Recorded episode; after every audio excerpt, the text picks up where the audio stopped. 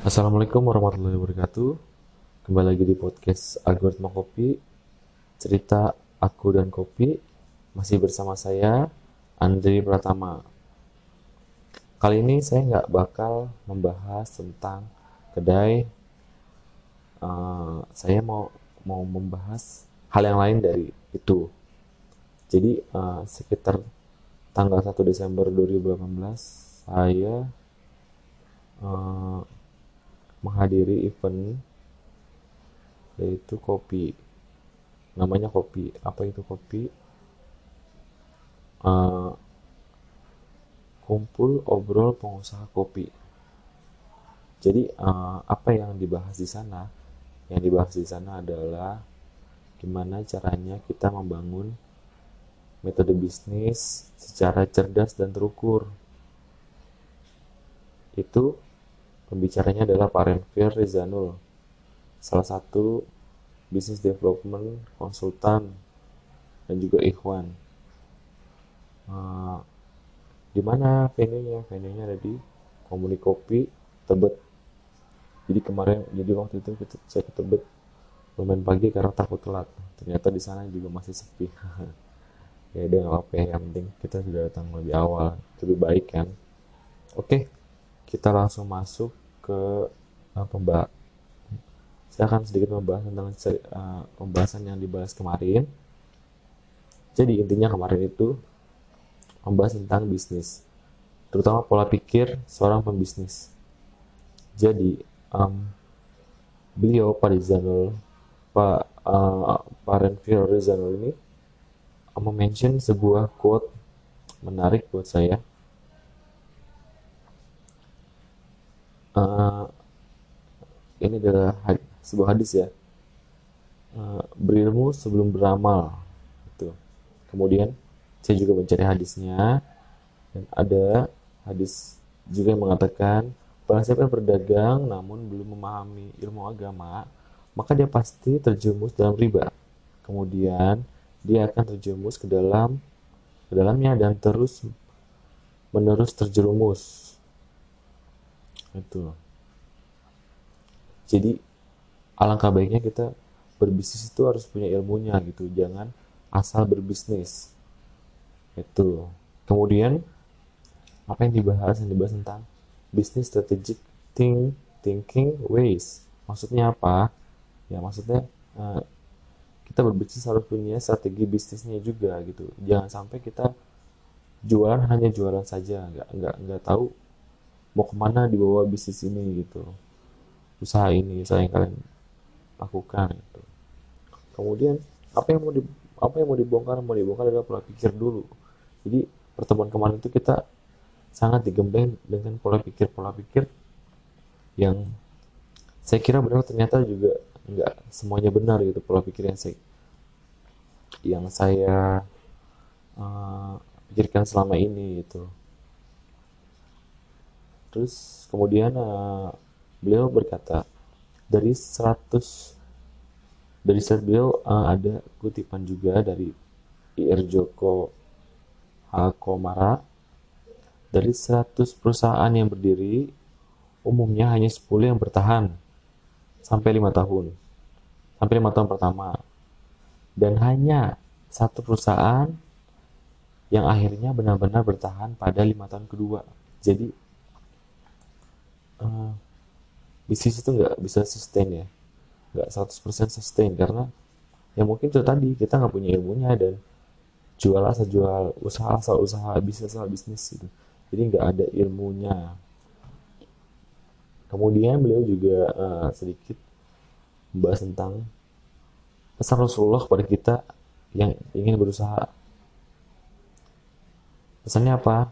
Yang pertama adalah hindari goror Koror itu adalah akad yang tidak jelas antara pembeli dan penjual. Ya, biasanya kan kita gitu ya, karena sistem nggak sistem yang nggak enakan, akhirnya kita ya udahlah buat segini, udahlah buat segitu gitu, tanpa ada tanpa ada akad yang jelas, tanpa ada hitam di atas putih atau apa segala macam gitu. Padahal itu sebenarnya perlu untuk ke depannya gitu kan. Terus yang kedua adalah zolim. Nah karena dari akad nggak jelas itu, akhirnya entah itu kita yang dizol itu kita menzolimi orang atau kita dizolimi gitu. Karena akadnya nggak jelas kan?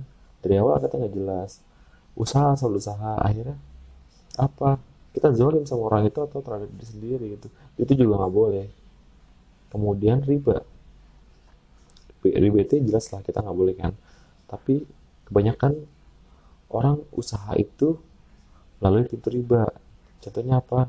Mereka berhutang dengan bank yang mempunyai akad riba.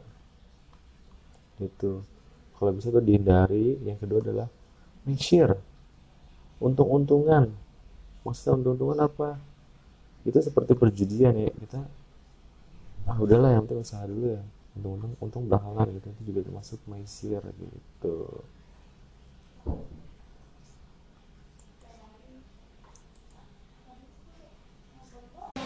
Oke kita lanjut lagi. Uh, kemudian yang kedua, uh, beliau juga uh, mention sebuah ya apa ya istilahnya ya. Anda juga lupa ya guys, saya juga lupa. Gimana pen, uh, gimana pendiri KFC yang telah lama wafat namun bisnisnya masih tetap berjalan hingga saat ini. Ya di situ juga aneh sedikit mikir ya, gimana caranya uh, uh, eh, KFC bisa sustain dengan usahanya sampai sekarang jual ayam aja gitu. Walaupun cuma jual ayam aja gitu. Yang goreng. Walaupun sekarang banyak inovasi sih. Hmm. dan kemudian direlatin direlatin tim lagi direlatin lagi dengan uh, bisnis kita. Apakah kita yakin kita bisa susah kita bisa tetap jalan walaupun kita nggak ada? Misalnya kita uh, umroh atau haji lah ya sebulan tuh kan. Apa kita yakin bisnis kita tetap jalan sih tanpa kita gitu. Iya secara eksplisit aneh bilang saya bilang ya sepertinya belum bisa untuk ditinggal belum bisa untuk otomas otomatis. Lalu apa yang membuat bisnis KFC Apple dan perusahaan lain itu sustainable walaupun tanpa tanpa pendirinya gitu. hmm, kemudian beliau melanjutkan lagi dengan sebuah hmm, apa ya hmm, pemikiran hmm, untuk mencapai bisnis yang sustainable meski tanpa kita ada beberapa hal yang harus dipertanyakan yang pertama adalah uh, susah mencapai target ya selama ini saya kita masih uh, berkutat dengan uh, target-target yang kecil gitu dan profitnya juga kecil. Uh, profit profit semakin menurun semakin semakin menurun. Karena nggak ada kita kan pasti kan. Timnya juga udah mulai nggak sesuai dan perusahaan juga mulai khawatir karena nggak ada inovatornya nggak ada nggak ada pendirinya gitu jadi usaha itu bukan cuma giroh jadi usaha itu butuh ilmu. Hingga banyak yang banyak dari kita yang menggunakan model bisnis yang diadopsi banyak orang. Dan kemudian kita juga termasuk juga termasuk saya ya. Ya saya juga memakai bisnis ini. Yang pertama adalah bikin produk murah dan enak pasti laku. Enak pasti laku tuh biasanya gitu kan kita berpikirnya gitu. Bener banget dong. Yang kedua adalah untung dikit yang penting laku. Ya itu sih yang saya jalani selama, selama ini jualan kopi susu. Dengan kuantitas yang banyak. Yang ketiga kerja keras pasti berhasil. Setiap orang pasti punya mindset seperti ini kan. Kerja keras banding tulang pulang pulang malam berangkat pagi begadang nggak tidur nah itu pasti berhasil tapi kan balik lagi rezeki milik Allah ya. Sosial media adalah tempat berjualan. Ya ini yang saya lakukan saya lakukan dan saya sempat bertanya dengan hal ini gitu. Di akhir di akhir pembicaraan di akhir sesi. Kemudian ATM amati tiru modifikasi. Ini banyak ini juga banyak dilakukan banyak orang. Jadi usaha latahan orang orang sukses dengan bisnis ini kita bikin bisnis ini. Orang sukses dengan bisnis itu kita bikin bisnis itu gitu. Dan jadi hmm, hmm, ada karakteristiknya gitu. Dan kita juga ini ini satu lagi bisnis yang namanya coba-coba ya. Kita usaha dulu coba usaha ini coba usaha itu. Akhirnya semuanya nggak ada yang jalan karena nggak ada fokus. Karena kita nggak juga punya ilmunya gitu. Hanya ikut-ikutan aja gitu pola pikir di atas adalah pola pikir yang tertanam dari jenjang karir yang termindset sejak jadi karyawan. Karena umumnya kita mau berbisnis karena bosan dengan pekerjaannya sebagai karyawan yang menjadikan otak kita terdistrak. Lalu kalau usaha saya bisa jadi owner. Kalau bisa jadi owner saya bisa bebas kerja kapan aja nggak teratur sama waktu nggak terjebak macet gitu. Itu juga yang saya alami sih sama ini gitu kan. Pengennya punya usaha biar nggak terjebak macet karena macet udah sangat-sangat di Jakarta apalagi udah sangat-sangat pusing. Uh, beliau juga mengasih gambar tentang jenjang karir. Yang pertama adalah staff terus kemudian naik lagi supervisor naik lagi adalah manager naik lagi ada GM kemudian naik lagi tingkat direktur dan terakhir adalah business owner. Kebanyakan orang menganggap business owner adalah sebuah pencapaian paling atas sebuah tingkat kesuksesan dalam jenjang karir. Tuh pastinya kan gitu kan ya. Kita selama ini uh, berbisnis adalah harapannya mau membuka usaha adalah harapan untuk menjadi seorang owner kan orang dari suatu bisnis kopi lah apalah. Pasti kan kita pengen jadi owner gitu. Tapi kata beliau bisnis itu ibarat pakai teropong jadi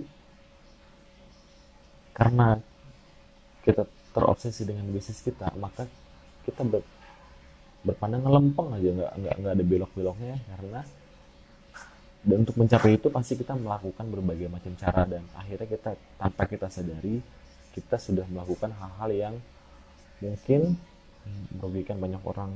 Merugikan banyak orang atau mungkin merugikan kita sendiri itu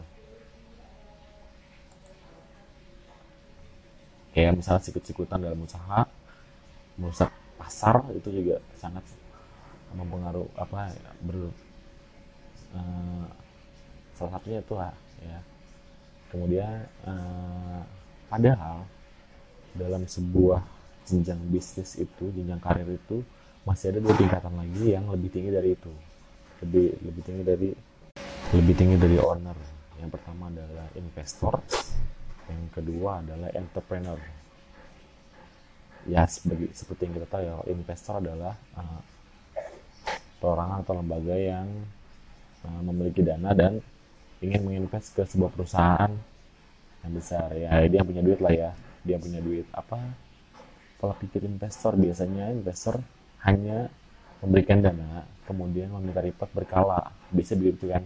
Jadi dia punya duit kita kerja kita ngasih report ke dia gitu. biasa gitu sih. Perlu ke kantor? Ya nggak perlu karena cuma butuh report aja. Misalnya akadnya gimana? Akadnya jangka panjang atau jangka pendek biasanya gitu sih. Kemudian yang kedua adalah entrepreneur. Nah. Sebagian besar dari kita mengetahui kalau entrepreneur adalah sebuah yaitu tadi owner tadi gitu. Padahal sebenarnya nggak gitu.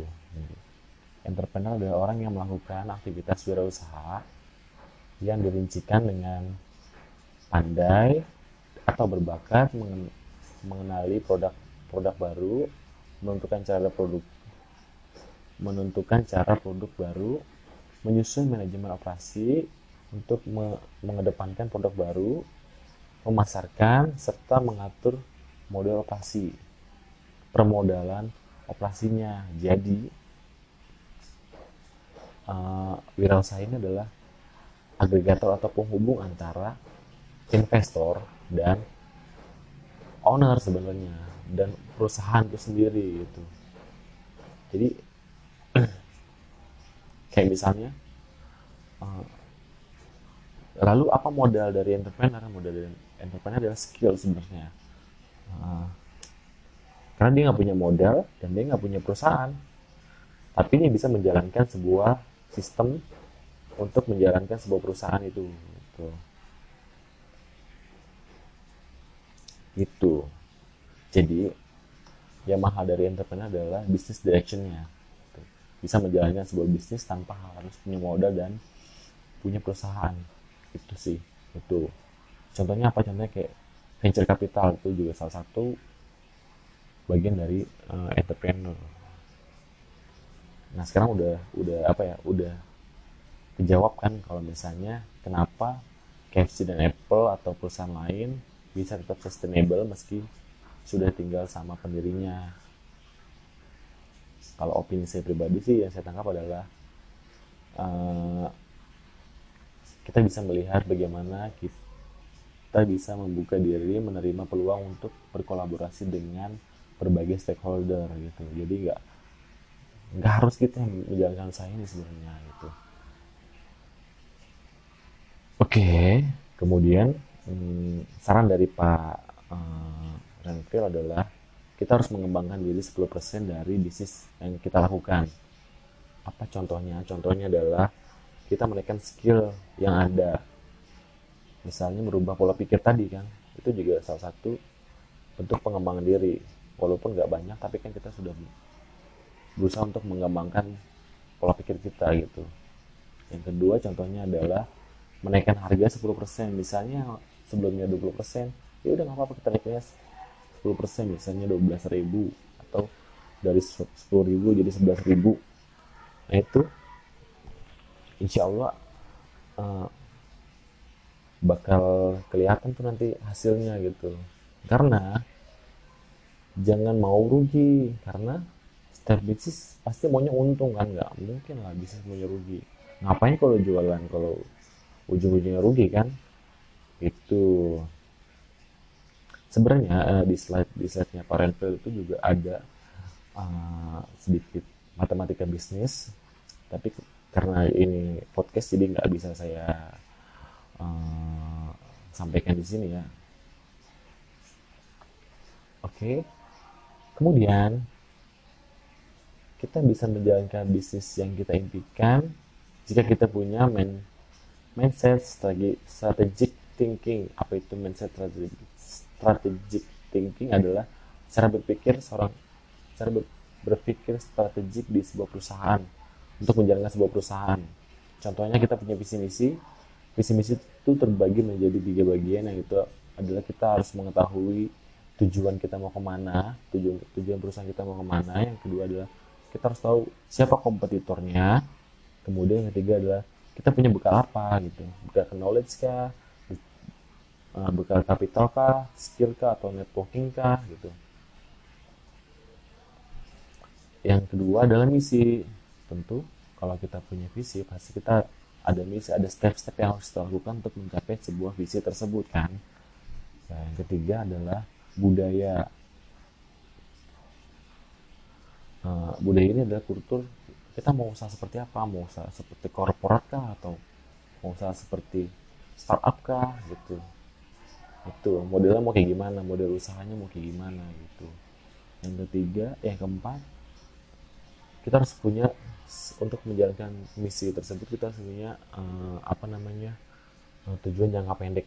Kayak misalnya oke okay, jangka pendek gue gue mau buka kedai kopi dengan dengan uh, uh, jenis kopi yang specialty dan dijual dengan harga yang sedikit murah karena kita mau menjangkau pasar yang menengah ke bawah gitu. Kita mau mendakwahkan orang yang tadinya suka kopi saset jadi kopi enggak saset itu itu yang, yang ketiga ada yang kelima adalah struktur organisasi. Nah ini juga penting banget sih menurut saya gitu.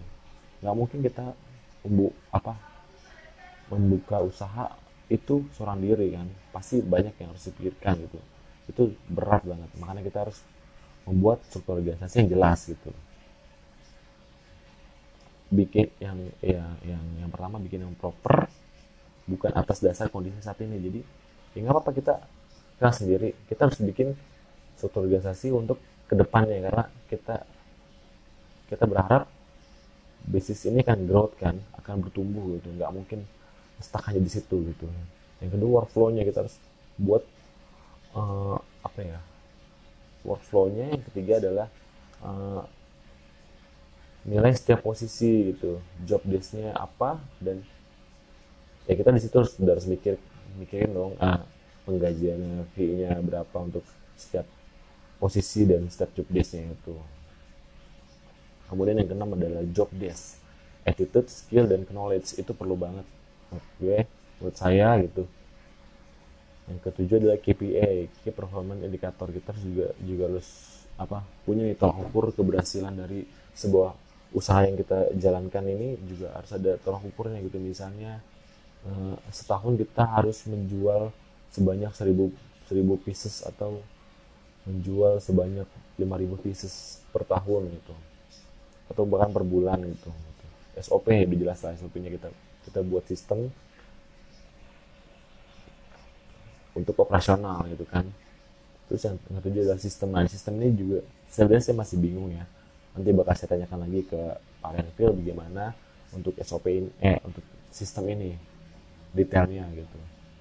Nah sebelum kalian membuka bisnis uh, beliau ber, berkata coba kalian uh, jawab dulu eh, pertanyaan-pertanyaan uh, yang ada di atas gitu harus harus bisa harus memahami mindset strategic thinking untuk perusahaan kalian gitu. Jangan sampai kalian nggak nggak nggak bisa menjawab ya atau ya ketika kalian nggak bisa menjawabnya berarti kalian juga sebenarnya butuh kan butuh butuh butuh arahan juga dari seorang uh, apa ya? Seorang konsultan kan itu dan dari situ dan dari situ si konsultan juga bisa tahu uh, apa yang mesti di, dibantu nih dari perusahaan ini gitu kan. Ya dan ada satu juga ilmu yang harus dimiliki sama seorang pebisnis. Itu ada tujuh. Yang pertama adalah tahu ilmu tentang produk. Yang yang paling basic adalah segmentation, targeting, positioning. Apa itu? Itu adalah kita menentukan target uh, pasar kita gitu. Jangan sampai kita buat kopi susu yang rasa strong tapi target pasarnya untuk anak-anak atau wanita itu nggak bakal masuk walaupun ada beberapa yang masuk pasti uh, rasa itu nggak bakal masuk ke mereka gitu kalau misalnya mau bikin kopi susu yang mau targetingnya anak-anak sama wanita berarti kita mau bikinnya agak manis dan sedikit rasa kopinya gitu. Nggak terlalu uh, pekat dan strong gitu. Yang kedua adalah branding. Nah ini juga unik nih. Yang kita tahu adalah branding itu ya logo gitu. Ternyata pemahaman itu salah. Jadi logo lah yang adalah bagian dari branding. Kenapa begitu? Karena branding itu adalah sesuatu yang melekat jika kita mendengar, melihat, atau berpikir kayak misalnya bunyi. Uh, beliau juga mencontohkan seperti, seperti bunyi. Nah itu yang ada di pikiran kita adalah minuman bersoda. Minuman bersoda itu apa? Coca-Cola. Nah itu salah satu branding. Jadi branding itu diambil dari istilah zaman dulu zaman dulu uh, kalau nggak salah uh, jadi untuk mengecap kuda gitu. jadi bagaimana caranya kita branding itu adalah konsep bagaimana bagaimananya bagaimana caranya kita bisa mengecap brand kita pada otak kan konsumen kita gitu gitu. Yang ketiga adalah marketing yang keempat adalah sales yang yang kelima adalah komunikasi yang ketujuh yang keenam adalah SDM yang ketujuh adalah financial. Itu itu da, itu adalah uh, tujuh dasar prinsip bisnis yang harus kita ketahui. Oke, okay? uh, itu uh, apa namanya? Beberapa dari materi yang saya dapatkan dari uh, event kopi kemarin. Insya Allah tanggal pekan ketiga bulan ini tanggal hmm, tanggal 16 ya. 1, 2, 3, tanggal 16 itu bakal ada eh tanggal 15 hari Sabtu bakal ada lagi event yang sama. Diharapkan buat teman-teman yang pengen datang untuk datang aja karena ini masih sifatnya gratis ya nggak nggak nggak bayar itu oke. Sekian dulu dari saya. Uh, jika kalian mau tahu catatan dari hasil uh, review catatan dari uh, apa namanya uh, event kemarin ada di medium saya yaitu di ayah kode. Cari aja di medium medium.com slash at ayah kode. Nah di situ banyak dan di situ ada uh, apa namanya catatan dari hasil belajar saya kemarin. Sekian assalamualaikum warahmatullahi wabarakatuh